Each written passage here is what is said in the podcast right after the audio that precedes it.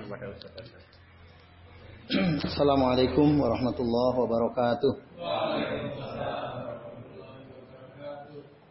Alhamdulillahirabbil alamin wal akibatu lil muttaqin wala udwana illa 'alal zalimin. Asyhadu an la ilaha illallah wahdahu la syarika lah wa asyhadu anna Muhammadan abduhu wa rasuluh. Rabbi israh li sadri wa yassir li amri wa hlul 'uqdatam min lisani yafqahu qawli amma ba'du. Ikhwas sekalian, azan ya Allah wa iyyakum ajmain. Alhamdulillah pada malam hari ini kita bisa bertemu kembali ya, dalam keadaan sehat walafiat untuk sama-sama melanjutkan ya, ngaji kitab Situ Durar min Usuli Ahlil Asad. Pada pertemuan terakhir pekan lalu kita sudah membahas sampai halaman 120 ya. Sekarang kita akan melanjutkan pada halaman berikutnya yaitu halaman 121. Silakan ibu sekalian buka halaman 121. Baik. ini masih ingat bab ini tentang apa ini? Ah, kemuliaan hanya bisa didapatkan dicapai dengan ilmu. Jadi bab landasan penting bagi umat yang ingin selamat itu adalah ilmu. Kalau kita ingin mulia, maka ilmu harus dimiliki. Jadi tidak ada cara lain untuk sampai kepada kemuliaan kecuali dengan ilmu. Maka pada bab pembahasan yang akan kita bahas ya pada malam hari ini menegaskan betapa memang ilmu itu sangat penting. Mari kita lihat apa yang dikatakan oleh Ibnu Qayyim Al-Jauziyah rahimahullah. Beliau mengatakan, "Walam makana jihadu a'da illahi fil khariji far'an an jihadil abdi nafsihi fi dzatillah." Dan ketika jihad melawan musuh-musuh Allah yang berada di luar diri kita, itu merupakan cabang dari jihad seorang hamba melawan dirinya sendiri ya. Kama qala Nabi sallallahu alaihi wasallam sebagaimana dikatakan oleh Nabi sallallahu alaihi wasallam apa kata Nabi? Nah, ini jihad dalam rangka apa? Mengagungkan zat Allah Subhanahu wa taala. Nabi mengatakan eh, ini di sini Ibnu Qayyim membahas tentang jihad melawan musuh. Sebelum saya lanjut, jadi uh, saya akan mulai dari ringkasan apa yang dikemukakan dalam dua paragraf ini oleh Ibnu Qayyim. Jadi beliau mengidentifikasi ada tiga musuh yang dihadapi oleh setiap hamba itu. Semua musuh harus dilawan. Semua musuh ini harus dilawan, ditaklukkan. Dan semua peperangan yang kita lakukan terhadap tiga musuh ini adalah dalam rangka untuk memuliakan Allah, zat Allah Subhanahu wa taala. Itu inti yang dibahas dalam dua paragraf ini adalah siapa sih musuh-musuh kita ini? Mana yang harus didahulukan kita lawan dan mana yang merupakan cabang? Nah, beliau mulai pembahasan dengan mengatakan ya, bahwa jihad melawan musuh-musuh Allah yang ada di luar. Ini artinya musuh secara fisik. Orang-orang kafir. Orang-orang munafik. Itu kan di luar diri kita. Nah, jihad melawan musuh-musuh Allah, musuh-musuh kaum muslimin, musuh-musuh Islam. Yang wujudnya adalah fisik sama seperti kita. Ini merupakan jihad bukan yang primer ya. Mungkin boleh kita katakan bahasa sekunder gitu ya. Atau jihad cabang. Dan ini sebagaimana ditegaskan oleh Nabi dalam hadisnya. Yaitu hadis riwayat Imam Ahmad dan hadis ini sahih di mana Nabi mengatakan al mujahidu man jahada nafsahu fi taatillah wal muhajiru man hajara manahallahu anhu. Jadi seorang pejuang sejati adalah mereka yang berjuang melawan dirinya sendiri dalam taat kepada Allah Subhanahu wa taala. Ini musuh yang ada pada dirinya sendiri. Nah, jadi pejuang sejati itu adalah orang yang berjuang melawan hawa nafsu dirinya sendiri dalam taat kepada Allah Subhanahu wa taala. Wal muhajir dan orang yang berhijrah itu adalah orang yang meninggalkan apa yang dilarang oleh Allah Subhanahu wa taala. Itu adalah muhajir yang hakiki, yang sebenarnya. Tapi poinnya yang pertama tadi, al-mujahid. Itu sesungguhnya. Jadi kalau orang dia melawan dirinya aja nggak bisa, melawan hawa nafsu dirinya aja nggak bisa. Bagaimana mungkin dia bisa melawan musuh yang ada di luar? Sementara sholat jamaah aja malas, ya kan? Baca Quran malas, inginnya santai, inginnya wah, tidak susah-susah gitu ya. Kalah dia oleh hawa nafsunya. Nah, maka apalagi ketika dia berhadapan dengan musuh yang ada di luar sana, musuh secara fisik. Maka dengan demikian kita bisa simpulkan apa yang dikatakan oleh Ibnu Qayyim al-Jauziyah pada paragraf ini, musuh yang harus pertama kali ditaklukkan sebelum kita perang melawan musuh-musuh fisik itu adalah hawa nafsu kita sendiri. Nah, maka kata beliau karena jihadun nafsi muqaddaman ala jihadil aduwi fil khariji wa aslan lahu. Jadi jihad melawan hawa nafsu diri sendiri itu harus didahulukan. Itu dulu. Sebelum kita berjihad melawan musuh-musuh yang ada di luar sana. Nah, karena apa? Karena barang siapa yang tidak melawan ya, musuh yang ada pada dirinya sendiri yaitu syahwatnya, hawa nafsunya. Nah, untuk apa misalnya? Untuk melakukan apa yang diperintahkan oleh Allah dan Rasulnya atau untuk meninggalkan apa yang dilarang oleh Allah dan Rasulnya. Nah, dia kalau dia belum memerangi dirinya sendiri, kan Rasul memerintahkan ABC, Al-Quran memerintahkan ABC, ada yang dilarang oleh Nabi, dilarang oleh Allah. Itu aja kita nggak kuat, melawan itu aja nggak, melawan hawa nafsu untuk melakukan ketaatan dalam menjalankan perintah Allah Rasulnya, kalau kita tidak kuat melawan, melawan hawa nafsu kita untuk apa? Meninggalkan apa-apa yang dilarang oleh Allah Rasulnya. Kita nggak kuat itu. Nah, maka la yumkinuhu jihadu aduwihi fil khariji. Enggak mungkin orang itu mampu melawan musuh yang ada di luar, musuh fisik. Jadi enggak mungkin. Ini saya kira suatu pandangan yang sangat penting ya. Jadi Islam itu kalau umatnya belum mampu melawan syahwat dirinya sendiri, lawan musuh nggak akan mungkin menang. Dia inginnya kaya gitu ya, inginnya punya jabatan. Lalu lawan musuh nggak mungkin berani, nggak mungkin. Bahkan mungkin dikatakan, wah dia bukan musuh, kita nggak usah ganggu politik dia. Itu kan? Karena dia lapar kekuasaan, dia lapar dunia. Syahwatnya aja dia nggak mampu, dia perangi nggak mampu. Kan ada tuh video terbaru tuh yang saya dapat dari Twitter ya. Seorang tokoh dia mengatakan menyesal nggak dikasih uang 1,7 triliun gitu. Padahal dijanjikan oleh pemerintah akan dikasih uang 1,7 triliun. Ternyata nggak turun-turun hatta hadil yaum gitu. Hatta hadil yaum sampai hari ini. kan? Padahal mungkin dia udah merasa berjuang untuk memenangkan satu pemimpin gitu. Karena apa? Tadi ingin di dunia ingin dia kuasai seluruhnya. Lah ketika ada musuh kaum muslimin, kalau kita lihat kan berita tentang kaum muslimin di Tianjin ya, di Uighur itu, udah kan ngeri-ngeri itu ya. Foto-foto menyiksaan bagaimana. Malah ada beberapa tokoh bilang, ah itu kan urusan politik lokal, itu separatis.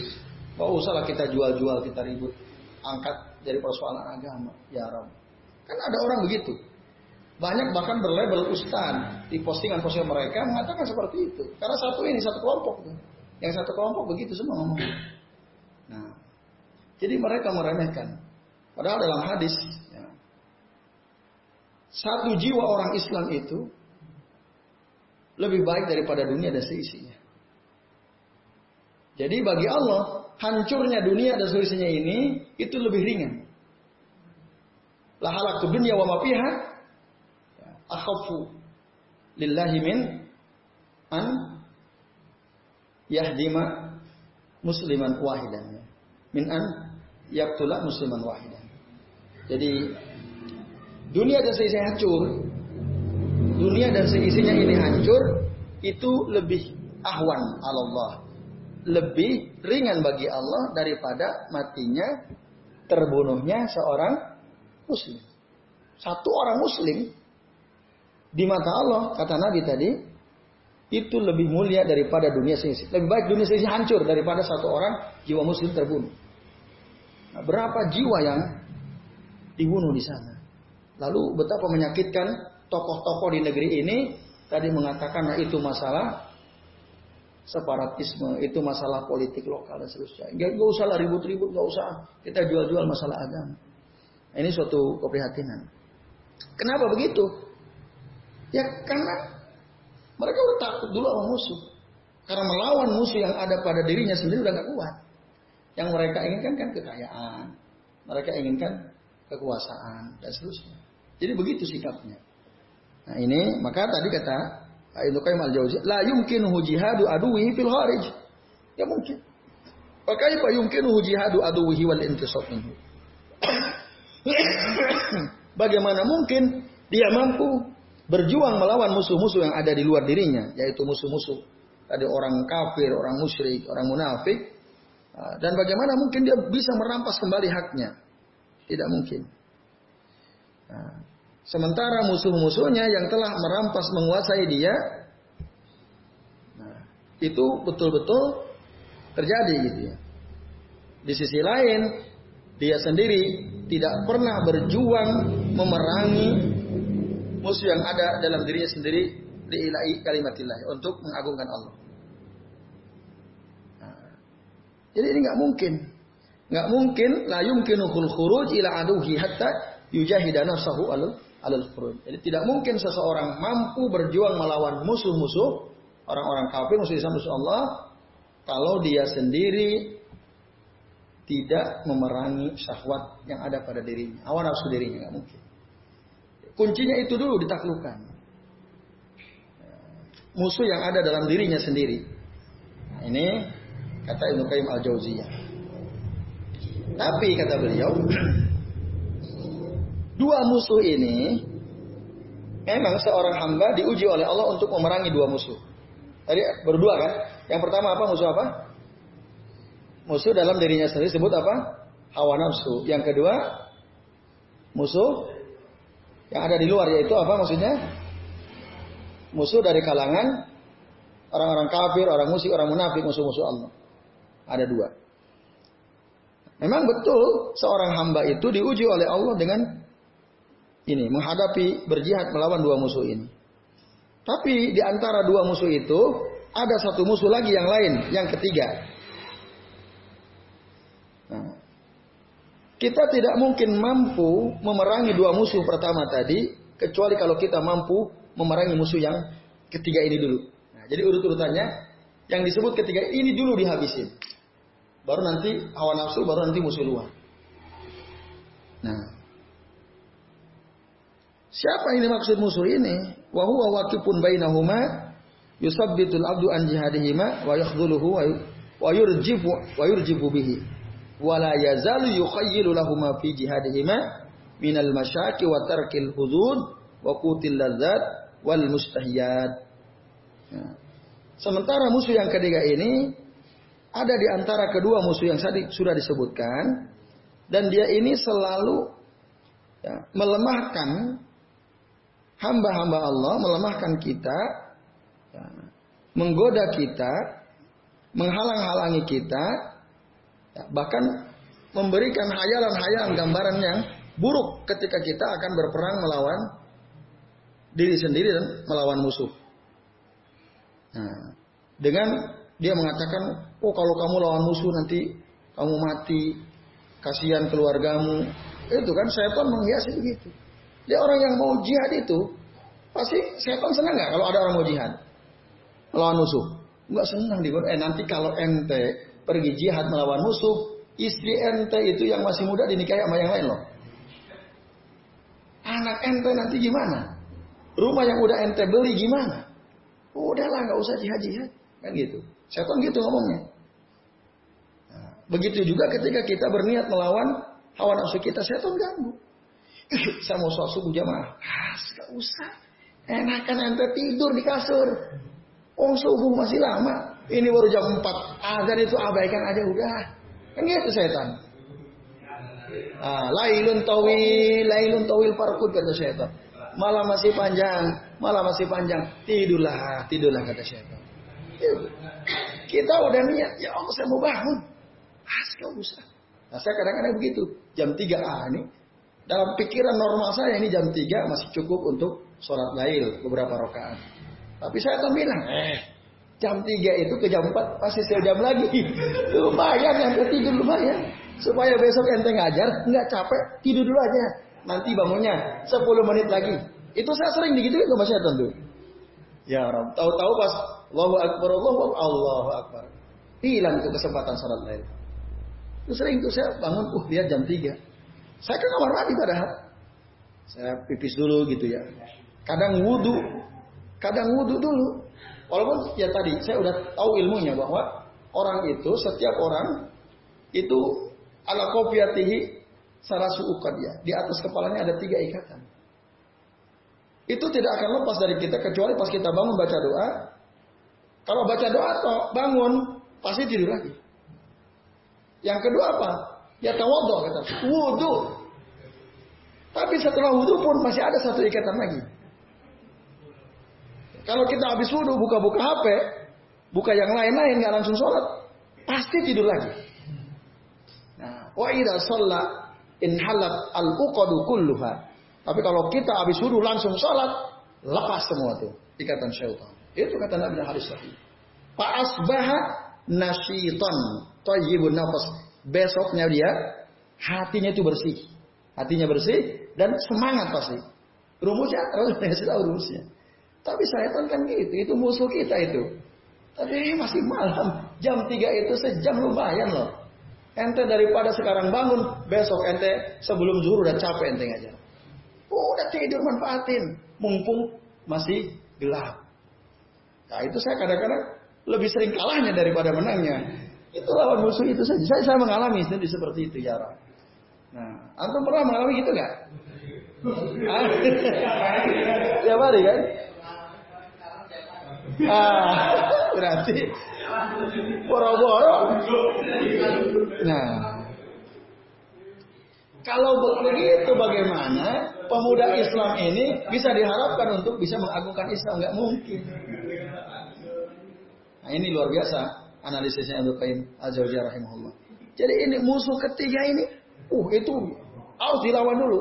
Kalau musuh ketiga ini nggak bisa kita taklukkan, wah susah udah. Melawan musuh yang kedua nggak mungkin, susah. Nah, karena dia terus akan ngipasi kita, godain kita, menghalang-halangi kita dari melakukan kebaikan. Makanya Allah bilang, Inna syaitana lakum aduun. Sesungguhnya syaitan itu bagi kalian adalah mu, musuh. Fattakhiduhu aduwa. karena dia sebagai musuh. Jangan jadiin teman. Disuruh tidur sama setan, oh ya, oke okay, sip. Aku tidur lagi setan gitu ya. Jadi teman. Ya dikipas-kipas dikit, mati kita langsung. Nah ini padahal Allah menyuruh kita untuk menjadikan syaitan sebagai musuh. Harus dilawan. Harus berjuang melawan syaitan. Tapi dia tidak akan pernah lelah. Tidak akan pernah capek untuk memerangi kita. Bahkan setiap ya, tarikan nafas kita, syaitan selalu menggoda. Dia nggak mungkin membiarkan kita. Ketika kita alhamdulillah berhasil ya kumpul di di ini untuk ngaji. Nah, ya mungkin dia ngerasa capek juga. Aduh, udah capek-capek berhasil juga nih ini anak ngaji juga.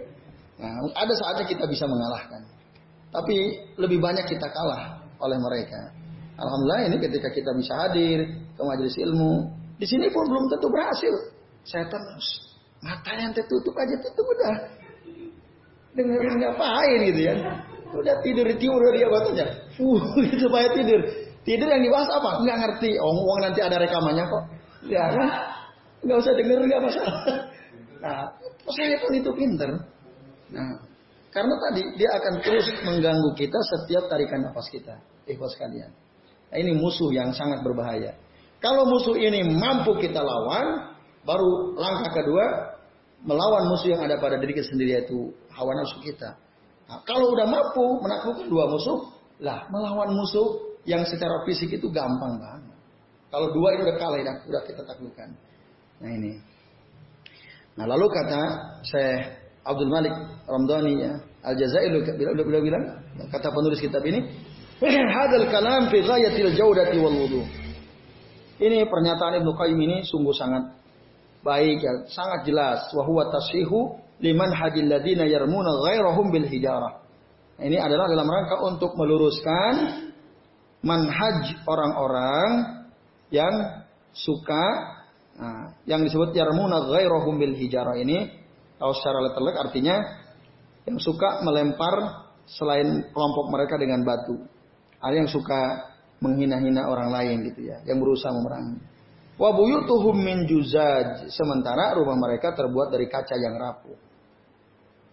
Nah, wa fil nafsihi dan dalam waktu yang sama ada sekelompok orang dari umat ya, Rasulullah, dari hamba-hamba Allah, mereka mengagung-agungkan al-asbab al-madiyah.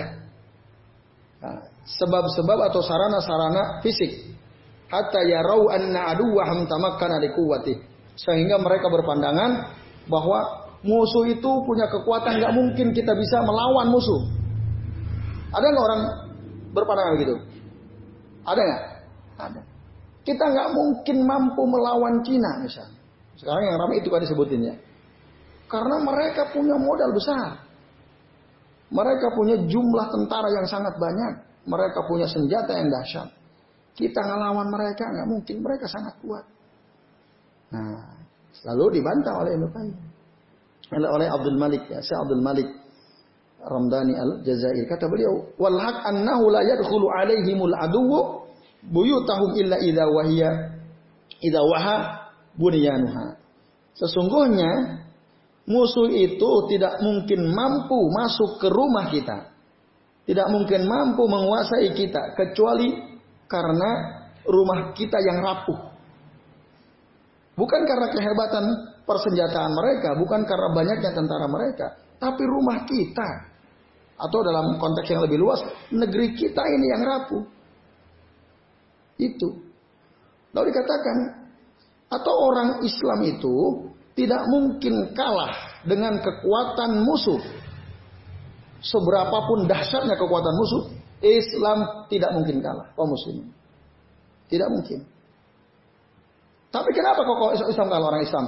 Bukan karena kehebatan kekuatan jumlah tentara mereka atau kecanggihan senjata mereka, tapi fi imanihim. Karena lemahnya iman mereka. Kalau iman umat Islam itu kuat, sehebat apa pun musuh nggak mungkin bisa ngalahin. Contohnya jelas perang Badar.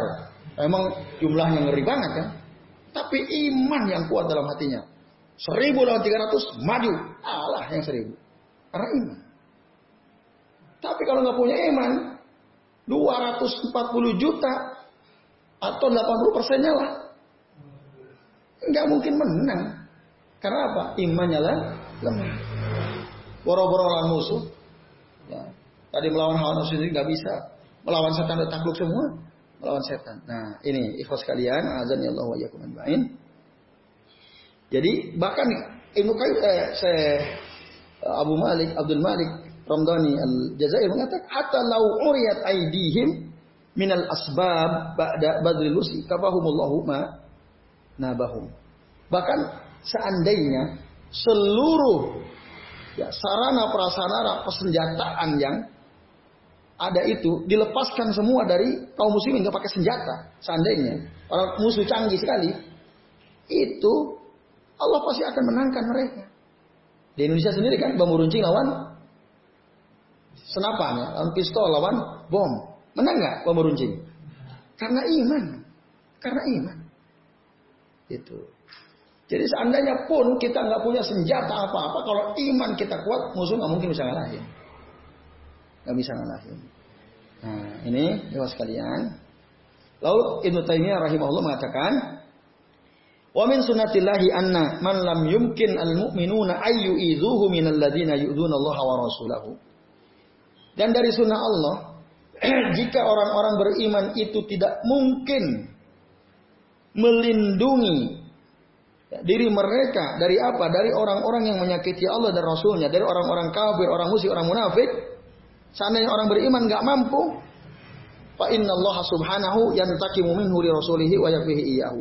Maka Allah pasti akan membalas musuh-musuh itu Allah akan menolong orang-orang beriman, Allah akan menolong Rasulnya. Dan cukup Allah sebagai penolong. Sebagaimana telah ya, kami sampaikan sebagian dari itu dalam kisah Al-Khatib Al-Muftari. Nah ini yang disebut, jadi ada kasus seorang penulis yang banyak berbohong gitu ya. E, kata beliau sih yang sudah dijelaskan di depannya. Nah, wa kama qala subhanahu wa ta'ala sebagaimana juga dijelaskan oleh Allah Subhanahu wa taala, fasda bima tu'maru wa'rid anil musyrikin innaka fainakal mustahzi'in. Lakukanlah apa yang diperintahkan kepadamu ya Muhammad. Dan berpalinglah dari orang-orang musyrik. Sesungguhnya cukuplah kami ya yang akan membalas menghabisi orang-orang yang mengolok-olok kami. Jadi gitu, kalau kita beriman taat pada Allah, taat pada Rasulullah, Allah pasti akan turun pertolongannya. Pasti Allah akan selesaikan. Itu kalau kita taat sama Allah. Nah ini masalahnya umat Islam, ya, mobil khusus di negeri kita misalnya, atau di negeri-negeri Islam yang lain, bisa jadi memang banyak yang tidak taat sama Allah. Akhirnya pertolongan Allah tidak ada. Mereka dihabisi. Lalu Ibu Qayyim mengatakan, Allah demi Allah kata beliau, tidaklah musuh itu akan menyakiti Anda kecuali setelah al-wali Allah berpaling darimu. Nah. Ma'ada alaikal aduwu illa ba'da an tawalla angkal wali. Tidak mungkin musuh mampu menyakiti Anda, menguasai Anda kecuali karena Allah berpaling darimu. Ketika kaum muslimin kalah, itu tanda Allah berpaling dari kita. Contoh perang Uhud. Menang apa kalah kaum muslimin? Uhud kalah kan? Kaum muslimin. Kenapa? Karena mereka tidak taat sama Rasulullah. Akhirnya Allah berpaling kalah kaum muslimin. Sampai 70 orang. Ya. Sahabat-sahabat senior. Termasuk pamanda Rasulullah SAW. Meninggal dunia di. Karena apa? Berpaling. Dari perintah Allah. Allah pun berpaling dari mereka. Maka kalah orang Islam. Maka, nah lalu ada kata-kata yang luar biasa juga. Fala tazunnu anna syaitana zalam. Tapi jangan Anda mengira syaitan menang enggak. Kenapa? Walakinnal hafid a'rad. Tetapi karena Allah yang menjaga berpaling dari kita, ninggalin ki, kita. Itu sebabnya. Jadi sebenarnya kalau kita taat, iman kita kuat, kita betul-betul takut kepada Allah, tawakal kepada Allah, taat kepada Allah. Meskipun kita nggak punya senjata, menang kita. Jadi sekali lagi yang membuat kita kalah lagi, kita kalah lagi, nggak punya iman. Coba Indonesia dengan begitu kaya sumber daya alamnya. Juga SDM-nya kan luar biasa sebenarnya. Tapi kenapa kita kayaknya pemimpin kita mengecam aja nggak berani kan mengecam. Ketika orang-orang pemimpin kaum muslimin kumpul di Malaysia aja nggak berani hadir ke sana. Baca nggak beritanya? Itu coba. Mungkin takut. Allah alam. Tadi karena sudah cengkram. Nah ini kita harus antisipasi. Ikhwas sekalian azani Allah wa Bingung masa negara dengan penduduk Islam terbesar dunia dan acara itu diadakan di tetangga negara tetangga yang sangat dekat tidak hadir. Coba bayangkan. Gimana itu? Nah, padahal itu untuk kepentingan kaum muslimin. Jadi sama sama sekali nampaknya sense of belonging terhadap kaum muslimin nggak ada. Kan ngeri banget itu. karena mungkin takut itu Udah terlalu bergantung. Nah ini. Ya Allah nanti kalau Allah semakin berpaling dari kaum muslimin yang ada di negeri ini, perapu banget udah. Maka mudah-mudahan kita ini ya. menjadi penjaga ya kita ini. Maka kuatkan iman kita, kuatkan ilmu kita.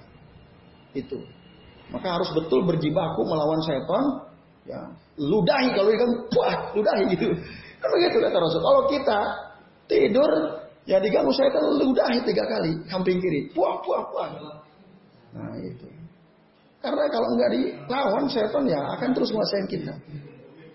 Nah, maka tadi dalam rangka kita perkuat iman kita, Ngaji terus lakukan supaya ilmu kita nambah terus ilmunya.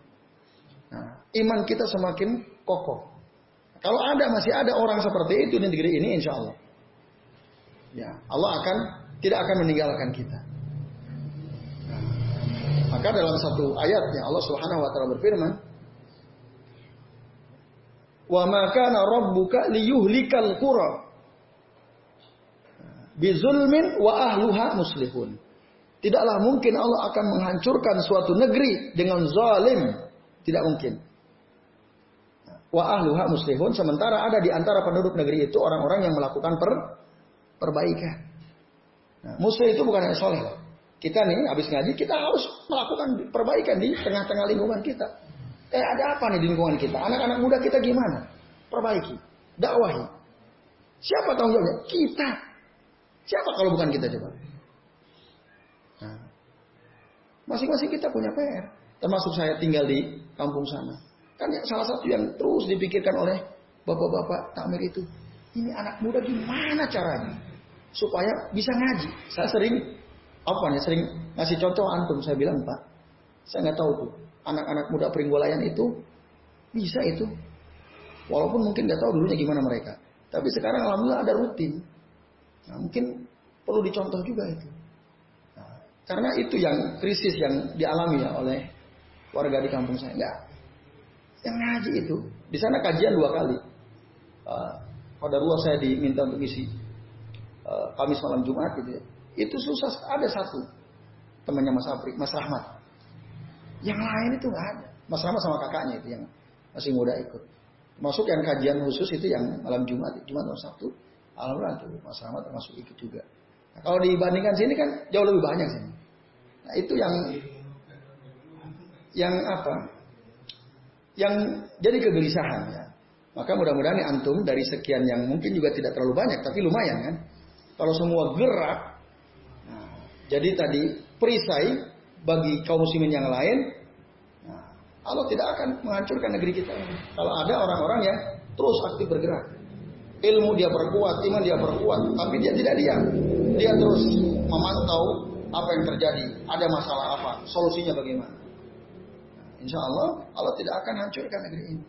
Tapi kalau seluruh penduduk negeri ini udah nggak peduli, anak mudanya udah senang-senang, uh, olahraga, nonton musik khususnya, ngaji malas.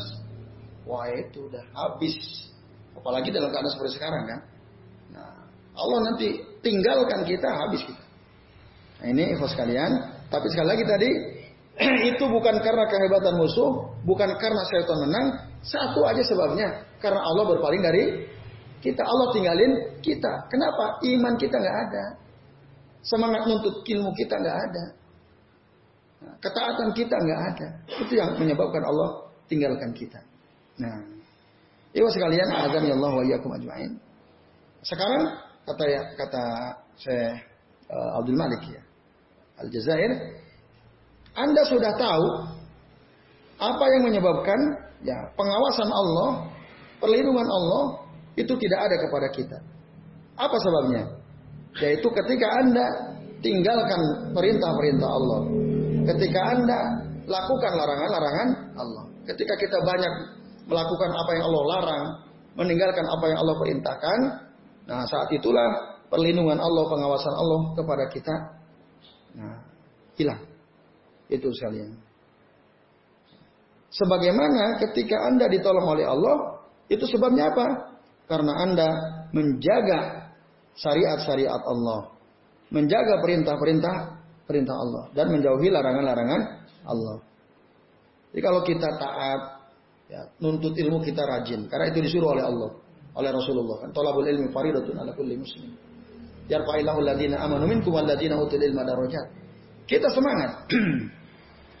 Lalu sholat kita jaga lima waktu. Ya kerja, waktu sholat kita sholat. Nah, maka kalau begitu Allah akan tolong kita. Ihfazillah yahfaduka kata Allah kan kata Rasul begitu. Jagalah Allah, jagalah syariat-syariatnya Allah akan jaga kita. Fa'alil asu ilal ilm. Nah, lalu kata saya Abdul Malik Al-Jazair, ini semua dasarnya kembali kepada il, ilmu. Kenapa? Karena kita tidak mungkin tahu mana perintah mana larangan kecuali dengan il, ilmu. Benar ya? Kita dari mana tahu oh ini yang disuruh Allah, ini disuruh Rasulnya. Oh ini larang Allah Rasul. Karena dari ilmu kita mempelajari hadis-hadisnya. Apa yang kita sudah kaji ini masih kurang atau udah cukup? Masih kurang banget. Banyak kitab-kitab misalnya Al-Kabair, kitab Al-Manhiyat Asyariyah, kitab misalnya Masawiul Akhlak wa Mazmumuha. Larangan-larangan itu. Ya banyak banget kitab yang belum kita pelajari. Lalu kita merasa puas. Wah itu masih jauh. Lebih parah lagi, udah nggak pernah ngaji, tapi merasa bisa. Wah itu kacau lagi. Wah itu udah penghancur betul itu. Nah ini nggak pernah mau ikut tamu. Nah ini bahaya sekali. Nah, dan sehebat-hebatnya talim itu waktu kita masih muda. Itu kata Ali Imam Syafi'i rahimahullah. Maka kalau ada seorang anak muda ya, kehilangan kemauan untuk belajar pakabir alaihi arba'an li wafatih. Udah takbir aja empat kali sama dia sebagai tali udah mati. Anak muda nggak mau ngaji, takbirin udah empat kali. Mati dia. Nah itu ya. Kalau ada anak muda nggak ngaji berarti dia sama seperti mayat berjalan dia. Nah, ini ikhwas sekalian azan ya Allah wa ajmain. Maka alhamdulillah kita bersyukur ya oleh Allah diizinkan ya untuk bisa aktif gitu ya di dalam kajian-kajian. Nah, ini jadi dari kembali kepada ilmu. Nah, kemudian pelajaran penting dari apa yang sudah kita bahas ini. Nah, dari Zubair bin Adi radhiyallahu anhu kali mengatakan, Suatu saat aku masuk ke Anas bin Malik, ke rumah Anas bin Malik.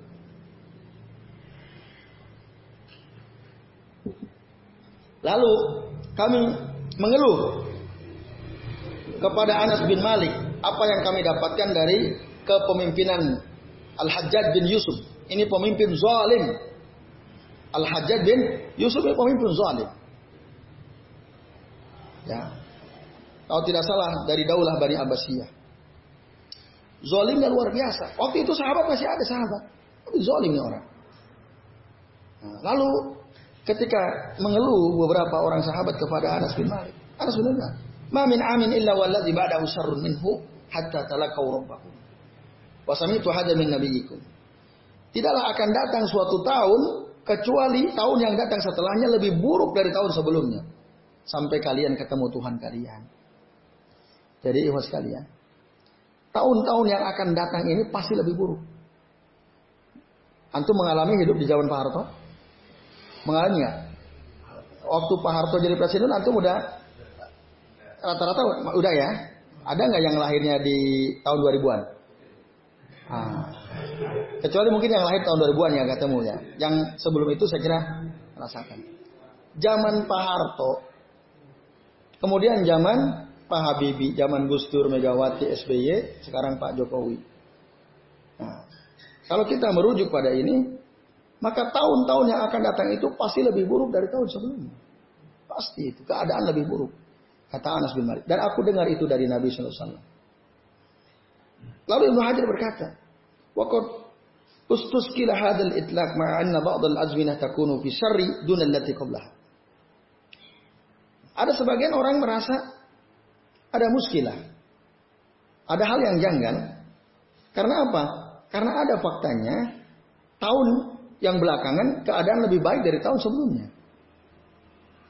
Al-Hajjaj setelah pasca dia lengser itu kan yang naik kemudian Abdul Umar bin Abdul Aziz.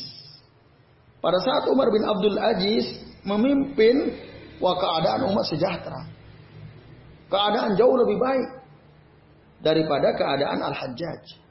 Nah kata Rasul, tidaklah ada suatu tahun yang datang itu pasti lebih buruk dari tahun sebelumnya. Aku ada tahun yang lebih baik daripada sebelumnya.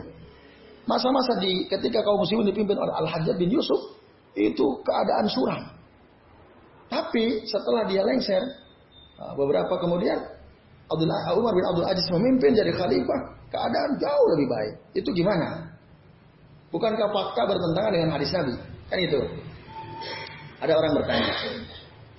Dan kepemimpinan Umar bin Abdul Aziz itu pada zamanil hajjad biasirin. Jadi setelah Al-Hajjaj bin Yusuf selesai, beberapa saat kemudian Umar bin Abdul Aziz yang naik jadi khalifah. Dan waktu beliau memimpin istaharul khairul ladzi kana fi zamani Umar bin Aziz Umar bin Aziz radhiyallahu anhu rahimahullah. Jadi beliau ini sangat masyhur, terkenal dalam catatan sejarah kehebatan kesejahteraan rakyat kaum muslimin saat dipimpin oleh Umar bin Abdul Aziz. Gimana itu? Padahal Nabi tadi mengatakan, kata Anas bin Malik, nah, di mana Nabi bersabda tadi apa? Ma min amin illa walladzi ba'dahu syarrun min talaqau rabbakum. Tidak ada tahun yang datang kecuali pasti lebih buruk daripada tahun sebelumnya sampai kalian mati. Lalu dijawab oleh sebagian ulama, jadi yang dimaksud lebih baik itu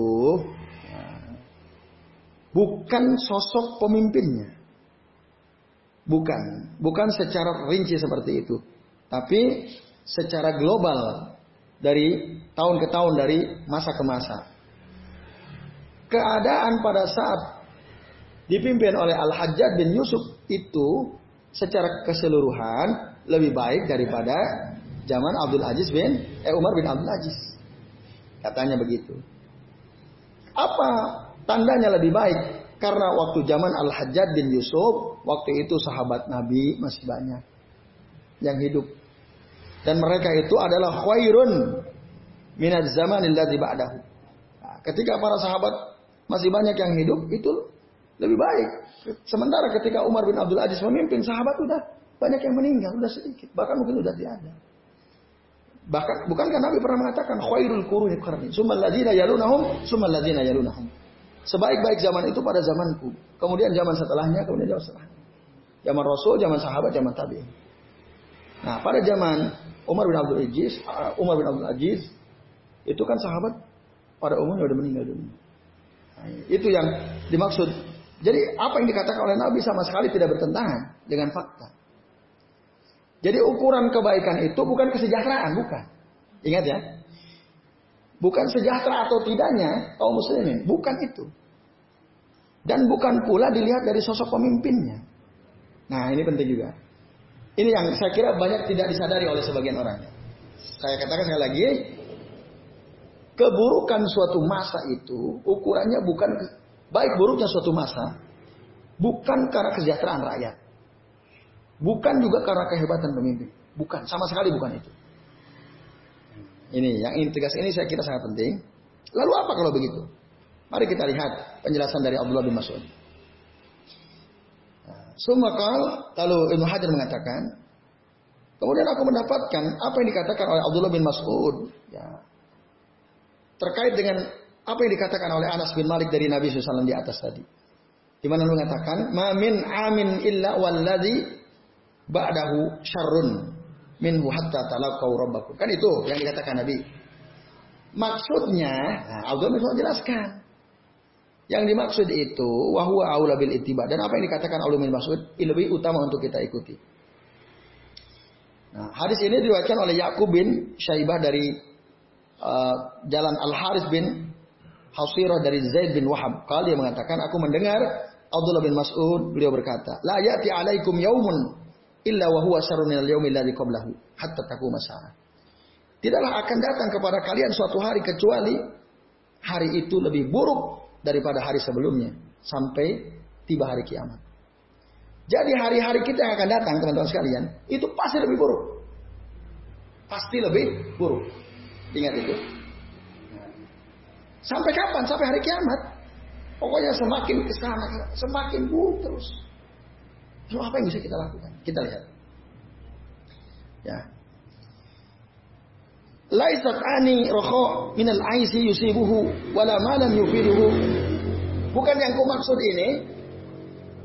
Ya, yang dimaksud hari yang akan datang itu lebih buruk dari hari sebelumnya. Itu maksudnya bukan dilihat dari sisi kesejahteraan hidup, bukan. Dan bukan pula dari sisi harta yang berfaedah, memberi manfaat. Bukan dari sisi itu. Kalau dari sisi kesejahteraan, mungkin akan lebih baik nanti. Ya kan? Ya. Dulu zaman Nabi kan susah. Mau makan sate kelatak aja nggak ada dulu kan. Ibaratnya begitu kan. Oh mobil nggak bisa. Sekarang kan lebih sejahtera, kita lebih mudah, pesawat gampang. Dulu naik haji lama. Kan bukan dari sisi itu makanya. Bukan dari sisi kesejahteraan.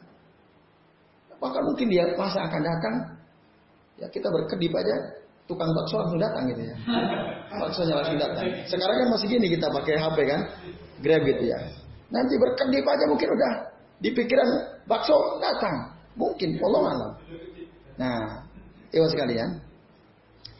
Artinya dari sisi kesejahteraan bisa jadi di masa-masa yang akan datang lebih baik dari kesejahteraan. Nah, tapi yang dimaksud la ya'ti alaikum yaumun illa wa huwa sarrun minal yaumi alladzi qablahu hatta taquma itu artinya walakin la ya'ti alaikum yaumun illa wa huwa aqallu ilman minal yaumi alladzi madha qablahu. Nah, ini. Yang dimaksud adalah tidaklah akan datang kepada kalian suatu hari kecuali hari yang akan datang itu ilmu semakin berkurang daripada hari-hari sebelumnya. Itu maksudnya. Sekarang kita lumayan ada berapa kita hitung yang ngaji. Coba lihat tiga tahun lagi, empat tahun lagi, mungkin tinggal sedikit. Ya, mungkin sekarang masih banyak nih di masjid-masjid yang pemuda-pemuda yang ngaji. Tapi nanti semakin ke depan orang nggak ada yang mau ngaji. Udah cukup pakai HP, Mister Google. Selesai kan? Ngapain ngaji kita? Orang nanti berpikirnya begitu. Ada ilmu semakin hilang ilmu. Itulah yang menyebabkan hari-hari akan datang semakin jelek. Karena orang yang cinta pada ilmu semakin jauh berkurang. Maka alhamdulillah kita yang sekalian, ya saya, ya saya bersyukur saya masih cinta kepada ilmu. Ah, kita masih senang duduk di majelis ilmu. Ini kita mudah-mudahan kita termasuk orang-orang yang terpilih tadi atau ifa al mansurah. Nah, karena kata Rasul akan senantiasa la yazalu ta'ifatun min ummati zahirina 'alal haq. Akan senantiasa ada umatku senang berjalan di atas yang benar. Dia akan mendapatkan kemenangan hatta ya'ti Allah sampai datang nanti urusan Allah. Perintah Allah yang datang hari kiamat. Akan ada, selalu ada pasti. Tapi memang ta'ifah sedikit, nggak banyak. Semakin sedikit, tapi akan selalu ada. Dan mudah-mudahan kita itu, ta'ifah itu, mudah-mudahan kita. Ada. Nah, ini ikhlas kalian, orang yang senantiasa berusaha untuk belajar ilmu, menerapkan ilmu dalam dalam kehidupannya, dalam sehariannya.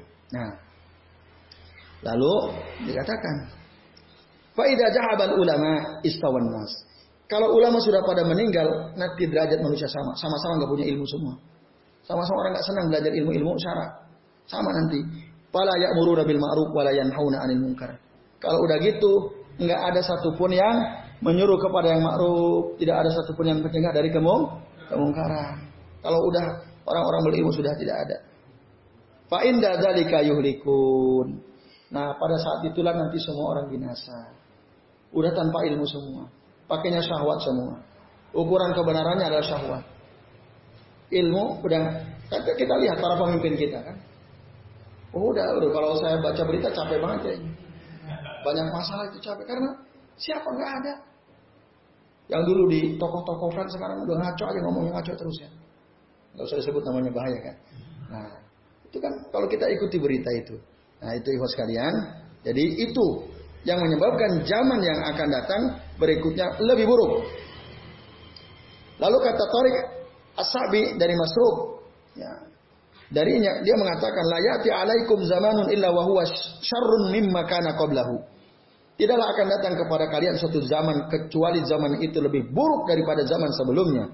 Amma inni la a'ni amirun khairan min amirin wala aman khairan min amin walakin ulama'ukum wa fuqaha'ukum yadhhabun.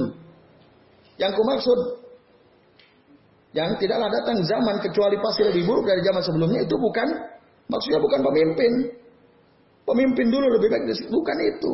Tahun yang dulu lebih baik dari tahun ini bukan itu. Tetapi apa? Para ulama, para fukoha itu semakin ke sini semakin hilang. Banyak berkedok fukoha, berkedok ulama, tapi omongannya jauh dari Quran dan Sunnah. Orang banyak ketipu.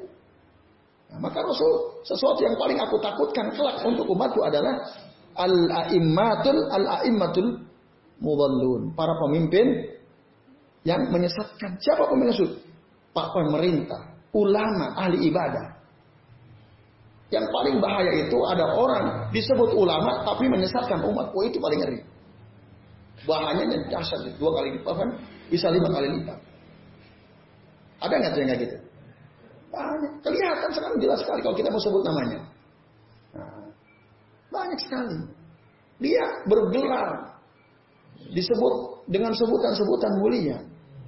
Tapi omongannya, apa yang dikatakannya, bukan kemuliaan. Bahkan jauh dari Quran dan Sunnah. Bahkan cenderung meremehkan Quran dan Sunnah. Nah itu.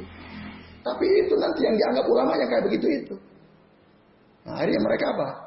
Berfatwa tanpa ilmu. Bilghairi ilmin. Fadallu wa adallu. Mereka sesat dan menyesatkan. Tapi orang awam nggak sadar. Kalau kita nggak ngaji nggak sadar kalau kita sesatin. Tapi kalau kita punya ilmu, terus kita baca Quran, pelajari tafsir, pelajari hadis Nabi, insya Allah mudah kita wah ini orang sesat, ini orang tidak benar. Nah, ini ikhwas kalian, azanillahu wa iyyakum ajma'in.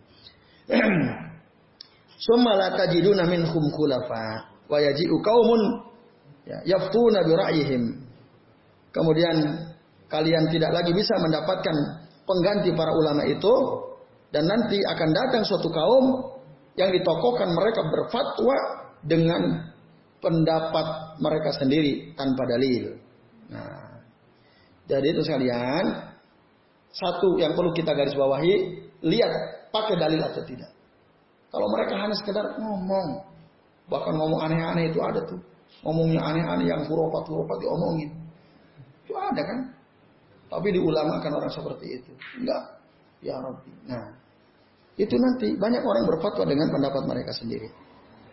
Nah, iwas sekalian, azan Allah wa ajmain. Uh, sampai sini dulu ya. ya. Nanti kita lanjut lagi insya Allah di pertemuan yang akan datang. Karena ini udah jam 10 kurang 5.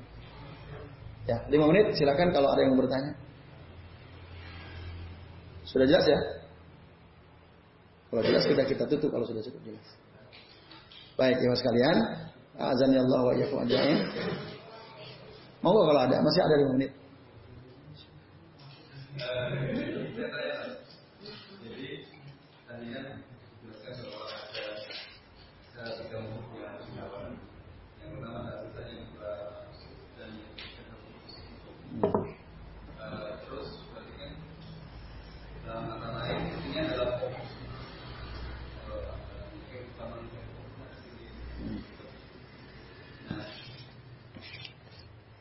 sementara di sisi lain eh, apa namanya ada semacam kewajiban kita dalam melakukan Iya. Nah, jadi bagaimana ini ketika seseorang itu bilang uh, saya nggak bisa lalu A, B, C karena saya masih kayak gini. Hmm. Karena saya masih masih kayak begini gitu ya. Ah. Nah,